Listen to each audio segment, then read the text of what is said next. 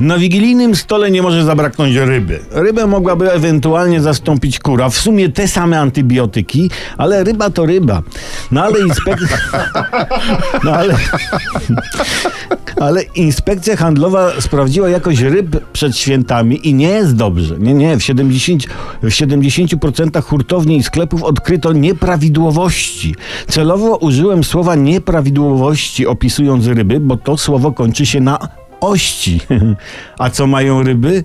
Dobrze, łuski mają, które spadły z oczu kontrolerom. Czytamy w internecie, cytuję, że najgorzej wypadły ryby mrożone. No, nic nie umiały. Ani zarecytować, ani zaśpiewać kolendy. No nic. No, no porażka. No ale też, no nie dziwmy się rybom. Jak człowiek jest przemarznięty do szpiku ości, to, to też ma małą ochotę na gadanie czy śpiewanie. Bardzo słabo oceniono taką rybę, która nazywa się nototenia. No ale słuchajcie, no trudno wypaść dobrze, kiedy twoja nazwa przypomina chorobę psychiczną. No, nototenia. No tak, tak robisz. Nie?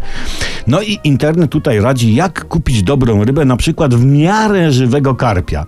Trzeba mu spojrzeć w oczy. O, jaki widok.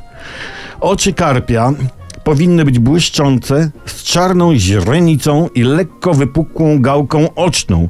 Jak u Bohuna, kiedy patrzył na Helenę. Jak u Bohuna. Taka ryba bohun musi być.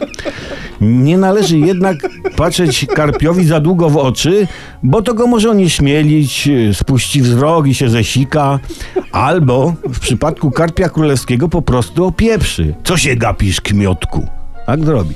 Dobra, teraz trudny temat. Jak zabić karpia? Trzeba mu opowiedzieć o sytuacji politycznej w kraju, to mu serce pęknie. Nie jest to sposób humanita humanitarny, no ale co zrobisz? No nic nie zrobisz, jak nic nie zrobisz. No.